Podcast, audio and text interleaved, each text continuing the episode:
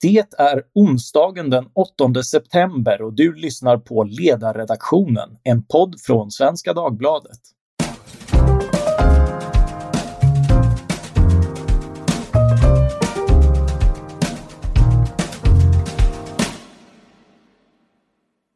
Jag heter Mattias Svensson och dagens ämne är svenska narkotikamarknader.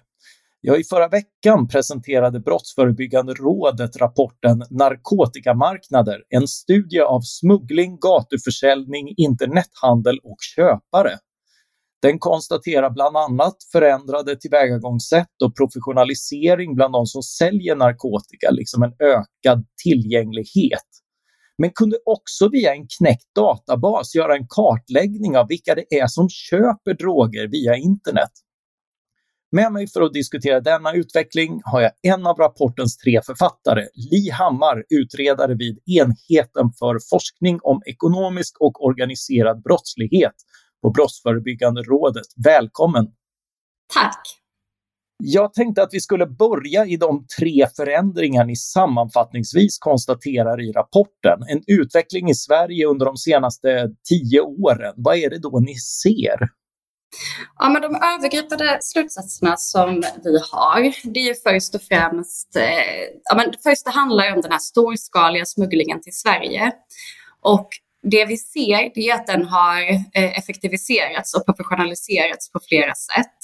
Eh, och bland annat så är det då fler som har kapacitet till direktinförsel av stora partier och antalet mellanhänder har minskat. Så där vi tidigare då senast Brå studerade narkotikamarknaden, alltså i början av 2000-talet, då såg vi att det kanske var ett fåtal personer som hade internationella kontakter eh, för att kunna smuggla. Nu ser vi att, eh, att flera svenska kriminella aktörer har flyttat till europeiska länder och arbetar som eh, koordinatorer eller organisatörer av narkotikasmuggling därifrån. Och att alltså, fler personer därför direkt kan föra in narkotika eh, till Sverige idag.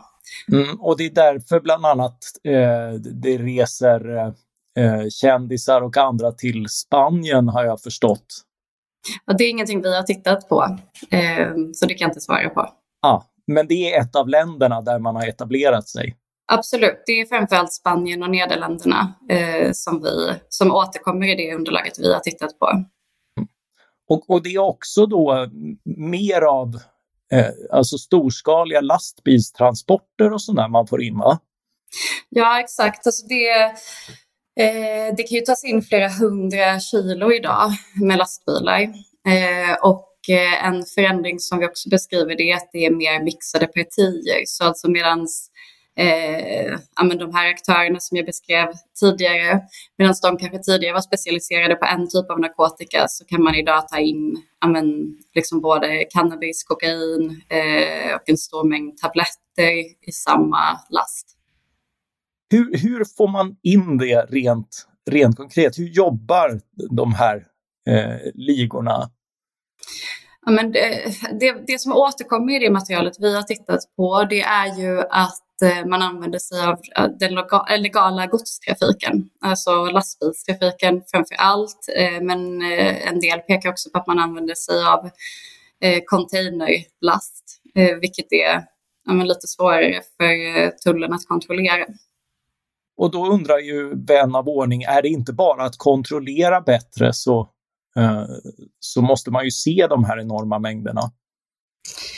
Eh, jo, alltså vi kommer ju med åtgärdsförslag som, eh, som handlar om att man bara kanske behöver tillföra resurser till Tullverket, framförallt för att kunna köpa in bättre skanner, eh, till exempel, eh, öka gr gränsskyddet generellt. Mm, och, och, det är en av eh, förändringarna. Mm. Ja, den andra förändringen som vi ser, eh, det är att det helt enkelt har blivit vanligare för att kriminella nätverk strävar efter att äga lokala narkotikamarknader i bostadsområden. Alltså att eh, ja, helt enkelt kontrollera en plats eh, och att man styr rätten över att bland annat sälja narkotika där. Och för 15 år sedan när Brå studerade narkotikamarknaden så var detta väldigt marginellt. Nu ser vi att det spelar en väldigt viktig roll eh, för narkotikamarknadens organisering. Mm. Eh, och det tänkte jag vi skulle återkomma till, men du kan ju ta den tredje förändringen först som vi har. Ja. Eller som eh, vi har noterat. Ja, nej men det, det vi beskriver där, det är att vi ser att eh, alltså det har skett en ökad tillgänglighet för köpare, eh, liksom till följd av digitaliseringen och etableringen av nya försäljningsformer, både i den fysiska och den digitala handeln.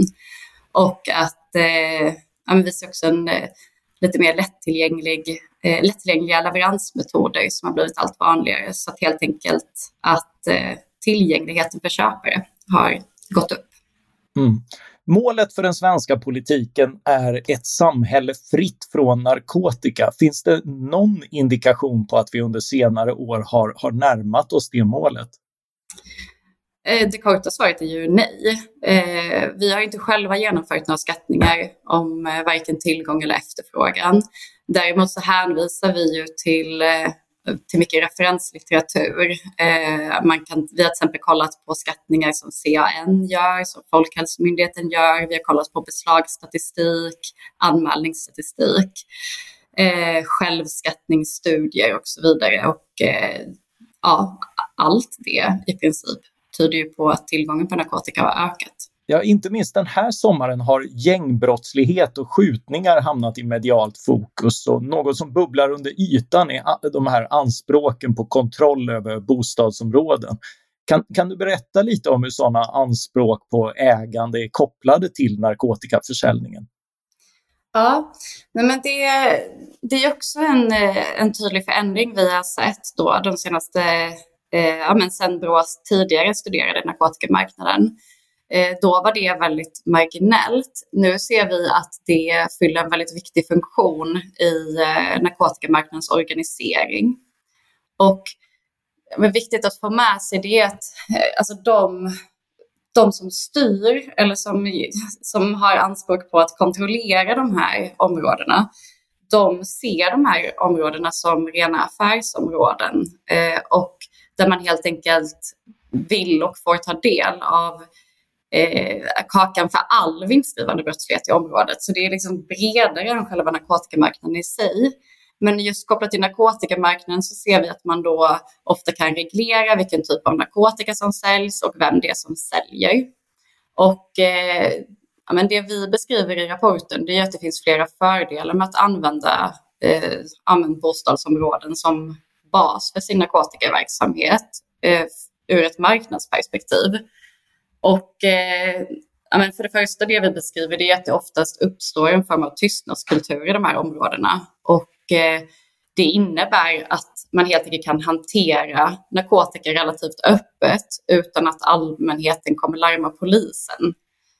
Eh, och vi ser också att själva synligheten i de här områdena spelar en stor roll för att markera eh, det kriminella styret i området. Alltså till exempel synlig eh, narkotikaförsäljning. Och försäljningen på den här platsen det blir också som ett skyltfönster både mot kunder men det blir också en manifestation mot konkurrerande grupper.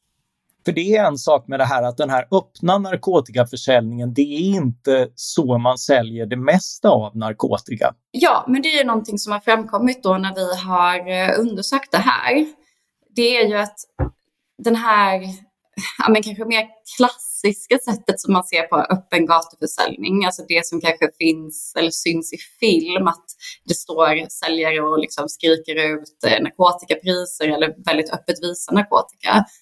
Det ser inte vi särskilt mycket av. Eh, istället så ser vi att även den här eh, narkotikahanteringen som, som utgår från bostadsområden, den, eh, den bygger på mobilförsäljning.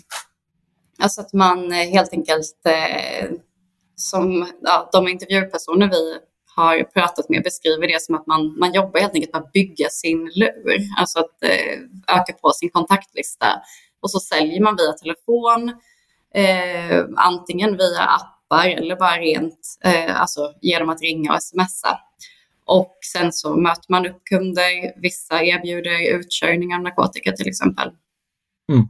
Vi, vi ska återkomma till det, men eh, jag, jag tänker på eh, den här eh, eh kom, eh, anspråken på områden. Det, det, leder ju också, man säger ibland att ja, de här gängen, och de är ju uppenbart öppna för att syssla med också annan brottslighet, men det verkar också som att mycket av annan brottslighet handlar om att trygga narkotikamarknaden på precis det här sättet, att, att få vara i fred. Eh, så man ägnar sig åt utpressning, man ägnar sig åt att tysta vittnen och, och hota dem och övergrepp i rättssak och liknande saker. Eh, eh, eh stäm, stämmer den bilden? Men det är absolut så att i de här kriminella miljöerna så ägnar man sig åt, eh, precis som du beskriver, väldigt, eh, väldigt brett olika typer av kriminalitet. Men om man ska prata specifikt om skjutningar så är det det är någonting vi för en lite längre diskussion om i rapporten. Mm. Och om man ska sammanfatta den i korthet så kan jag, vill jag nog säga att vi har ställt frågan, beror skjutningarna på konflikter om narkotikamarknaden till gärningspersoner som själva varit aktiva i narkotikabranschen.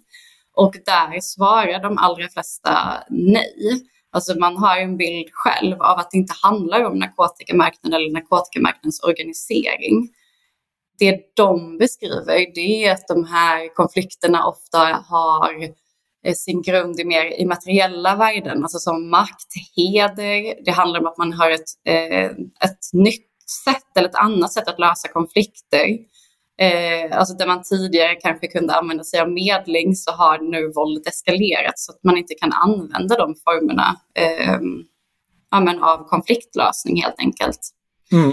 Eh, jag, jag, vill också säga att det är en sak som jag tyckte var väldigt intressant. Det är att flera av dem vi har intervjuat beskriver skjutningarna som en form av dimridå, alltså någonting som håller rättsväsendets blick borta, borta från den riktiga storskaliga narkotikahanteringen. Och eh, andra beskriver också att man Eh, kan få ett väldigt dåligt anseende om man håller på och skjuter för mycket och att ingen vill göra affärer med dig då. Så det är, liksom, det är en bild vi får eh, av gärningspersonerna.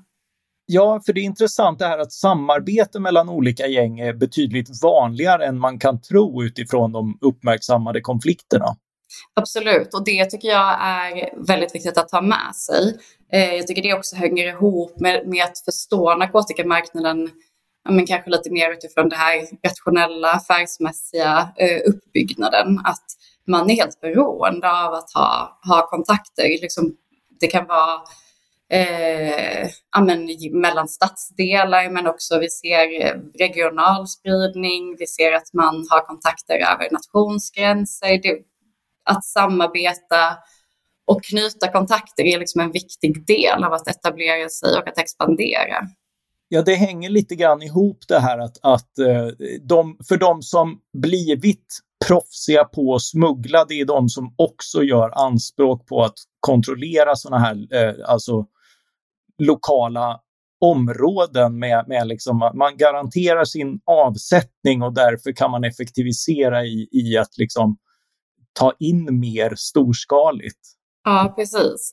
Det är också någonting vi beskriver eh, som också är en förändring. Vi kallar det för att, eh, men att man äger hela distributionskedjan. Vi menar att det inte var vanligt. Eh, alltså det var inte vanligt för tio år sedan. Nu ser vi att det är många som kan göra det. Alltså att man kontrollerar smugglingen, distributionen och försäljningen.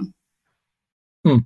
Och, och det här handlar väldigt mycket om vilka, eh, vilka möjligheter man har att att, att investera. Det, må, många är belånade vad jag, eh, om, om jag förstår eh, er beskrivning rätt. Vi beskriver ju det i rapporten, precis som du säger, det är ett typ av kreditsystem. Eh, mycket av narkotikan köps och säljs på krita. Och det innebär ju att personer eh, ja, men i princip alla på narkotikamarknaden står hela tiden i skuld till någon över dig och har skulder att driva in från de som befinner sig under dig eller parallellt med dig. Och det, det skapar ju liksom väldigt starka inlåsningseffekter. Det, det gör det svårt att lämna också. Och vi ser också att den här strävan efter att, eh, att expandera som ändå, det tycker jag är tydligt både när vi tittar i underrättelsematerial, förundersökning och intervjuer, att det finns liksom ett intresse av att hela tiden ta in ett större parti, öka din avsättningsyta, liksom få fler säljare under dig. Det, ja, du, det, du bygger låter, hela tiden på din skuld. Låter som en sån här säljsekt lite grann. Ja, det, vi har faktiskt en, en polis, tror jag det är, som beskriver det som ett pyramidspel. Och det tycker jag är en ganska bra beskrivning. Ja, jag tänker en av höstens humorsatsningar i SVT är Jonathan Unges Drug Dealer. Eh, jag vet inte om du har hunnit se den? Jo, det har jag. Ja, av, av de avsnitt jag sett så uppstår komik i att langandet av droger har en del likheter med, med vanlig affärsverksamhet och den likheten har även noterats i Economist-journalisten Tom Wainwrights bok uh, How to run a drug cartel från, från 2016 och i rapporten där ni refererar Wainwright men kanske inte Unge så liknar ni langarnas roll med franchisetagare och beskriver skuldsättning och långa arbetsdagar. Hur, hur ser vardagen ut för dem längre ner i kedjan? Nej men alltså det är ju eh, det, det, är svårt att prata om säljare som en eh, homogen grupp. Alltså vi beskriver det ju i, i rapporten som snarare en typ av eh, karriärstrappa. Alltså personer mm.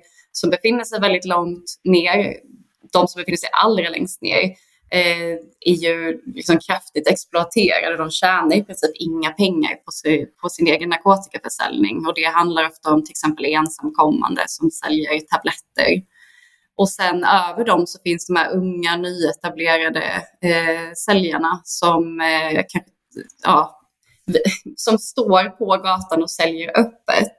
Jag ska säga att en, eller när vi gick in i det här projektet så ställde vi oss frågan varför, varför väljer säljare att sälja i olika försäljningsformer?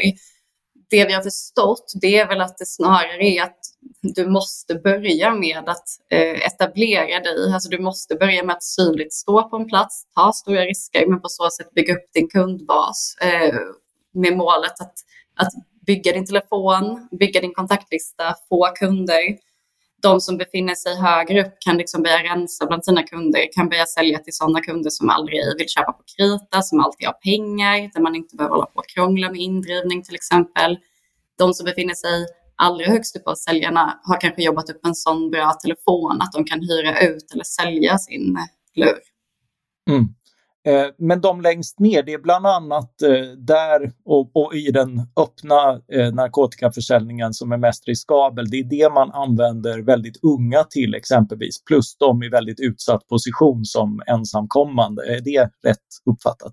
Absolut. Och alltså den, jag skulle säga även de som säljer via telefon beskriver extremt stressiga dagar. Alltså man håller på med Eh, man jobbar ibland 16 timmars dagar, man jobbar alla dagar i veckan. Eh, det är liksom ett väldigt stort logistiskt ansvar att, att du har en telefon som hela tiden ringer, du ska prioritera bland dina kunder, du vill eh, tillhandahålla god service. Du måste hela tiden se till att du har, de, eh, du har liksom alla typer av narkotika på lager. Om du inte har det så måste du ringa en av det som de själva säljarna beskriver som kollegor. Då. Du ringer till en annan säljare och frågar om du kan få låna eh, av dem tills du får ett eget stash och så vidare. Sen så ska du ju också ja, hålla på med indrivning. Eh, det, är en stressig, det är en väldigt stressig miljö, det är ett stressigt liv. Var, var kommer våldet in i detta? För det finns ju ändå där Nej, men det är svårt att säga. Alltså det, jag skulle säga att våld finns lite överallt, var man än tittar i distributionskedjan. Eh, det finns ju flera olika sätt att se det på. Alltså, vi ser ju att eh, alltså i den här exploateringen av unga till exempel, eh, som vi också har sett medialt, så exploateras ju unga till att också begå eh, väldigt allvarliga våldsgärningar, eller liksom till och med dödligt våld. Mm. Eh, så det finns ju. Sen finns det ju såklart indrivning, eh, misshandel. När vi tittar på den här populationen av de som har misstänkts för narkotikabrott, det är ju en väldigt brottsbelastad grupp.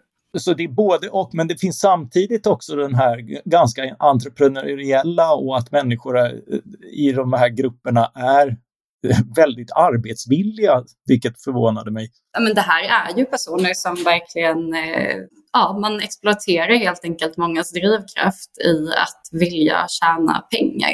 det verkar vara väldigt effektivt och eh, får människor att ta väldigt stora risker och kan tänka sig att eh, jobba den här tiden och eh, helt enkelt leva det här livet. Men du beskriver också att många eh, på alla nivåer vill, Eh, man lockas in men vill också ut. Men jag vet inte om man kan säga att alla vill ut. Jag skulle säga att eh, man vill eh, upp, kanske först och främst. Ehm, men även när man har tagit sig ganska högt upp så är det väl många som vill ut också. Men det är svårt. Alltså de, flera av de intervjupersoner vi har pratat med beskriver en väldigt liknande bakgrund. Man har Eh, Eh, man har haft en krånglig skolgång till exempel, man har inte gått ut skolan, man ser inte att man har så mycket andra möjligheter. Alltså en ganska klassisk förklaringsmodell skulle jag säga.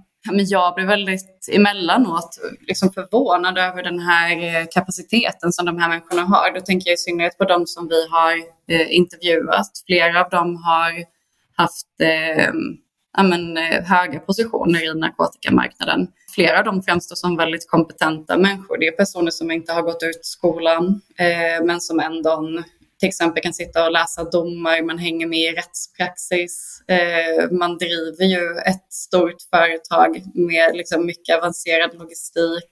Man har i princip anställda. Eh, mm, det är förvånande varför man har hamnat där man har hamnat. Ja, och det här är bara en av narkotikamarknaderna. Eh, ni har ju kartlagt flera, bland annat de som köper narkotika via nätet, via ett tillslag. Och det har du jobbat eh, specifikt med. Mm. Eh, vad, vad, finns att säga om dels det här materialet och dels eh, de ni har undersökt? Ja, men vi har ju, vi har ju fått tillgång eh, från NOAs underrättelsetjänst. Så har vi fått tillgång till en databas med 10 000 personer som har köpt eh, narkotika på Darknet. Och eh, men vi kände snabbt att det var väldigt intressant. Ifall man ska beskriva narkotikamarknaden som en, eh, som en organisation och som en, en helhet så är det viktigt även att titta på köparna eftersom köparnas liksom, efterfrågan på service till exempel kommer påverka resten av organiseringen av narkotikamarknaden. Eh, och det vi har gjort då det är att vi har tagit de här 10 000 personerna och så har vi jämfört dem med en grupp eh, som består av 40 000 personer som, eh, ut, alltså som då är alla som misstänktes för ringa narkotikabrott, eget bruk och innehav 2018. Och på de här så har vi då kopplat på flera variabler från SCB och sen har vi kopplat på variabler från Brås eget misstankeregister eh, för att då helt enkelt närmare beskriva de här grupperna. Och det vi ser när vi har jämfört dem, det är ju att eh, vissa saker liknar och andra saker skiljer sig åt. Vi ser till exempel att köns och åldersfördelningen är ganska lik. Eh, 85 procent är män i båda grupperna den, eh, de allra flesta i åldern 20 till 40 år. Eh, det vi ser det är ju att Darknet-köparna genomgående har högre inkomster, högre sysselsättningsgrad och högre utbildningsnivå än de misstänkta. Men båda har lägre än genomsnittet? Exakt, det ser vi. Eh, man, eh, ja, ingen av de här grupperna har särskilt goda levnadsförhållanden. Är, är det eh, en effekt av att de är yngre än eh, genomsnittet? För eh, inkomster tenderar ju att stiga med ålder, eller hur? Ja, vi har, därför har vi gjort en indelning. Vi har bara tittat, när vi har jämfört inkomster så har vi tittat på åldern 25 till 65 för att eh, i alla fall sortera bort lite av de grupperna som vi tänker har kanske sämre förutsättningar att tjäna mycket pengar till exempel eller hinna börja en utbildning. Men sen kan det ju absolut vara så att det är ändå en yngre grupp. Men eh, ja, alltså, jag tycker ändå att det finns en viss logik i att det, ehm, i att det ser ut så här. Alltså man ska också veta att det är skillnad på köpare och brukare, alltså köpare och användare av narkotika. Personer som köper narkotika eh, har säkert oftast lite men, har nog mer missbruksproblem eh, medan många som kanske använder narkotika sporadiskt får det av en vän eller har liksom en närmare kontakter på det sättet. Och därför så dyker man inte riktigt upp i de här populationerna. Mm. Eh, det har ju varit lite av en politisk konflikt kring vilka grupper som köper narkotika, om det för, är företrädesvis välbärgade till exempel. V vad kan man säga utifrån materialet ni har? Ja, men utifrån materialet som vi har, då är det inte så mycket som tyder på att det skulle vara eh, ja, men höginkomsttagare som skulle stå för en stor del av narkotikaköpen i Sverige. Eller att det skulle vara ja, men just välbeställda invånare som i större utsträckning eh, liksom skulle göda den organiserade brottsligheten. Eh, det kan inte vi se, men där vill jag ändå säga att vi har inte tittat på, vi har tittat på de här specifika grupperna. Det finns ju köpargrupper som vi inte har tittat på, till exempel personer som köper via mobiltelefon och får eh, narkotikan hemkörd. Det kan vi tänka oss är en grupp som kanske inte upptäcks i lika stor utsträckning mm. av rättsväsendet.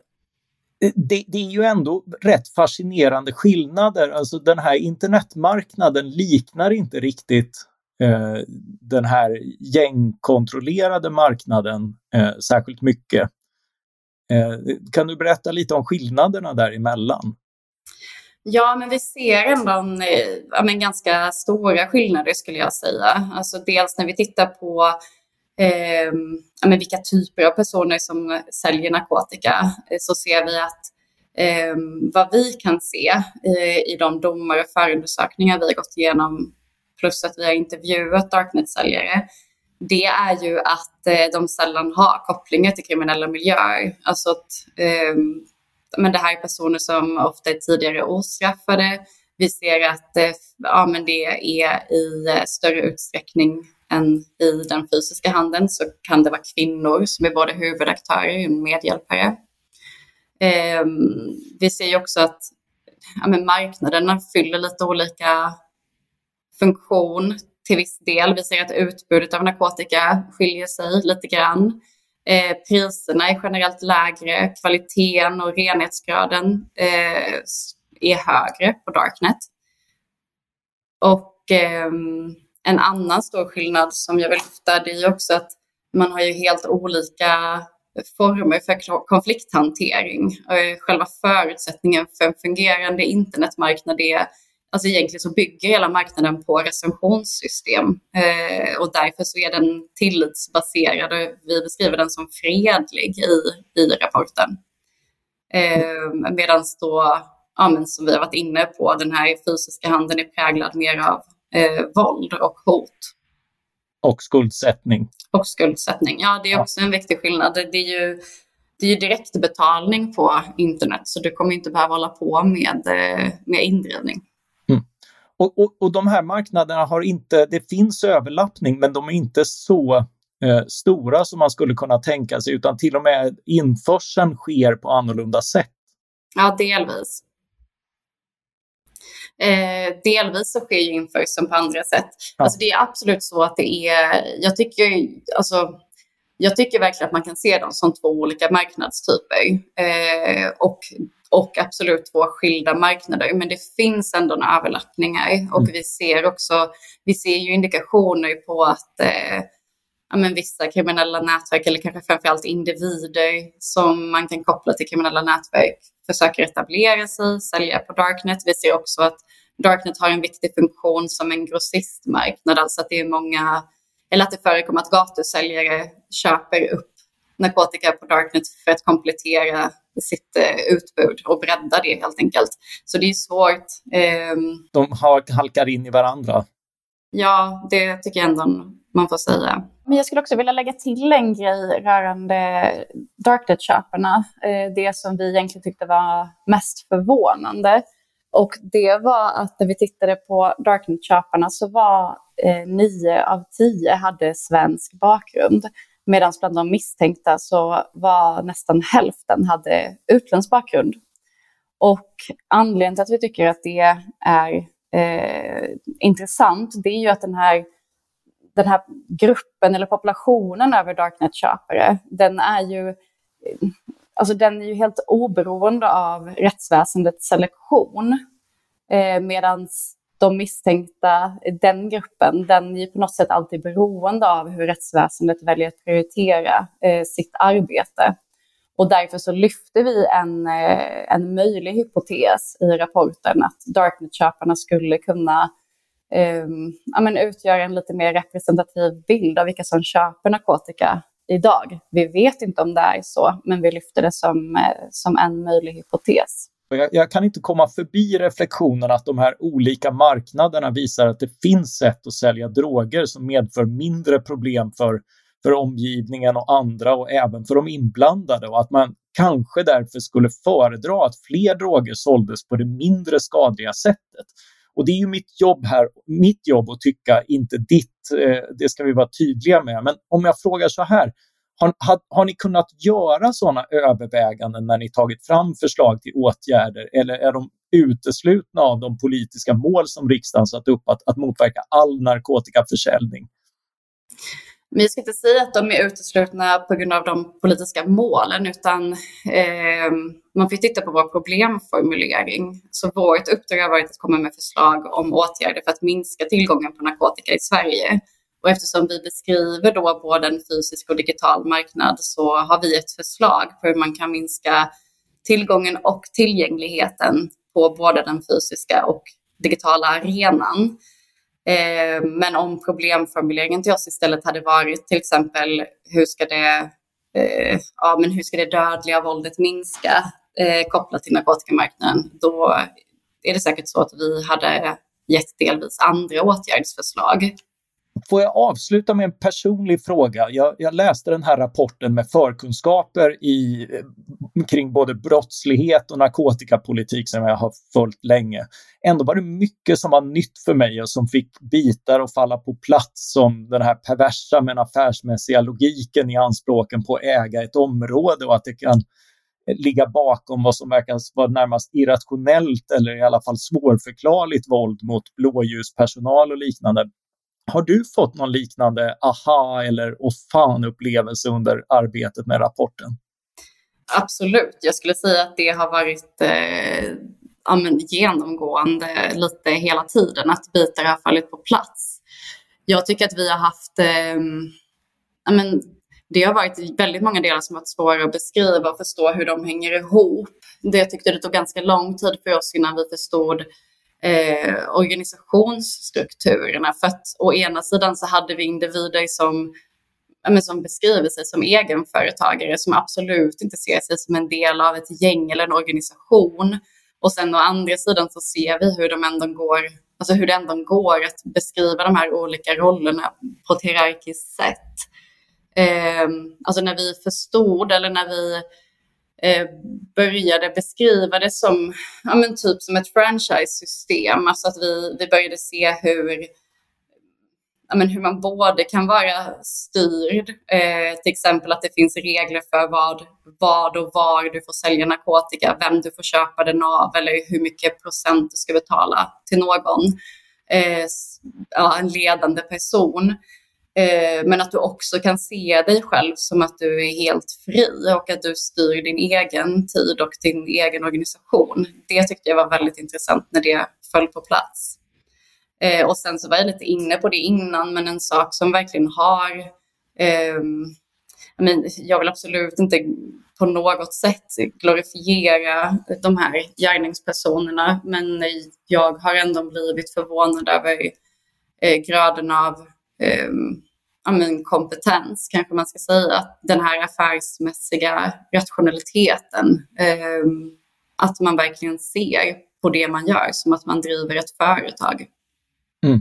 Och sen å andra sidan då det här irrationella våldet eh, som ju drar eh, rättsväsendets blick mot din verksamhet. Det är liksom det, finns, det är både väldigt rationellt och också väldigt irrationellt. Vilken perfekt avslutning. Då får jag tacka dig så mycket Li Hammar, utredare från, på Brottsförebyggande rådet för att du har medverkat i podden. Tack så mycket.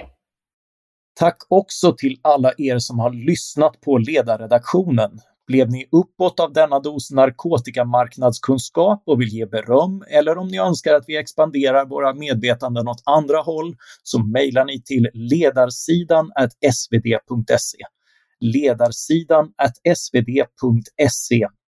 Jag vill också passa på att tipsa om våra grannpoddar. Dagens Story som varje dag presenterar ett aktuellt ämne på 15 minuter och Politiken som varje onsdag ger en inblick i allt från maktens korridorer till Torbjörn Nilssons bibliotek. Producent för det här avsnittet var Jesper Sandström. Jag heter Mattias Svensson och jag hoppas att vi snart hörs igen. Tack för den här gången.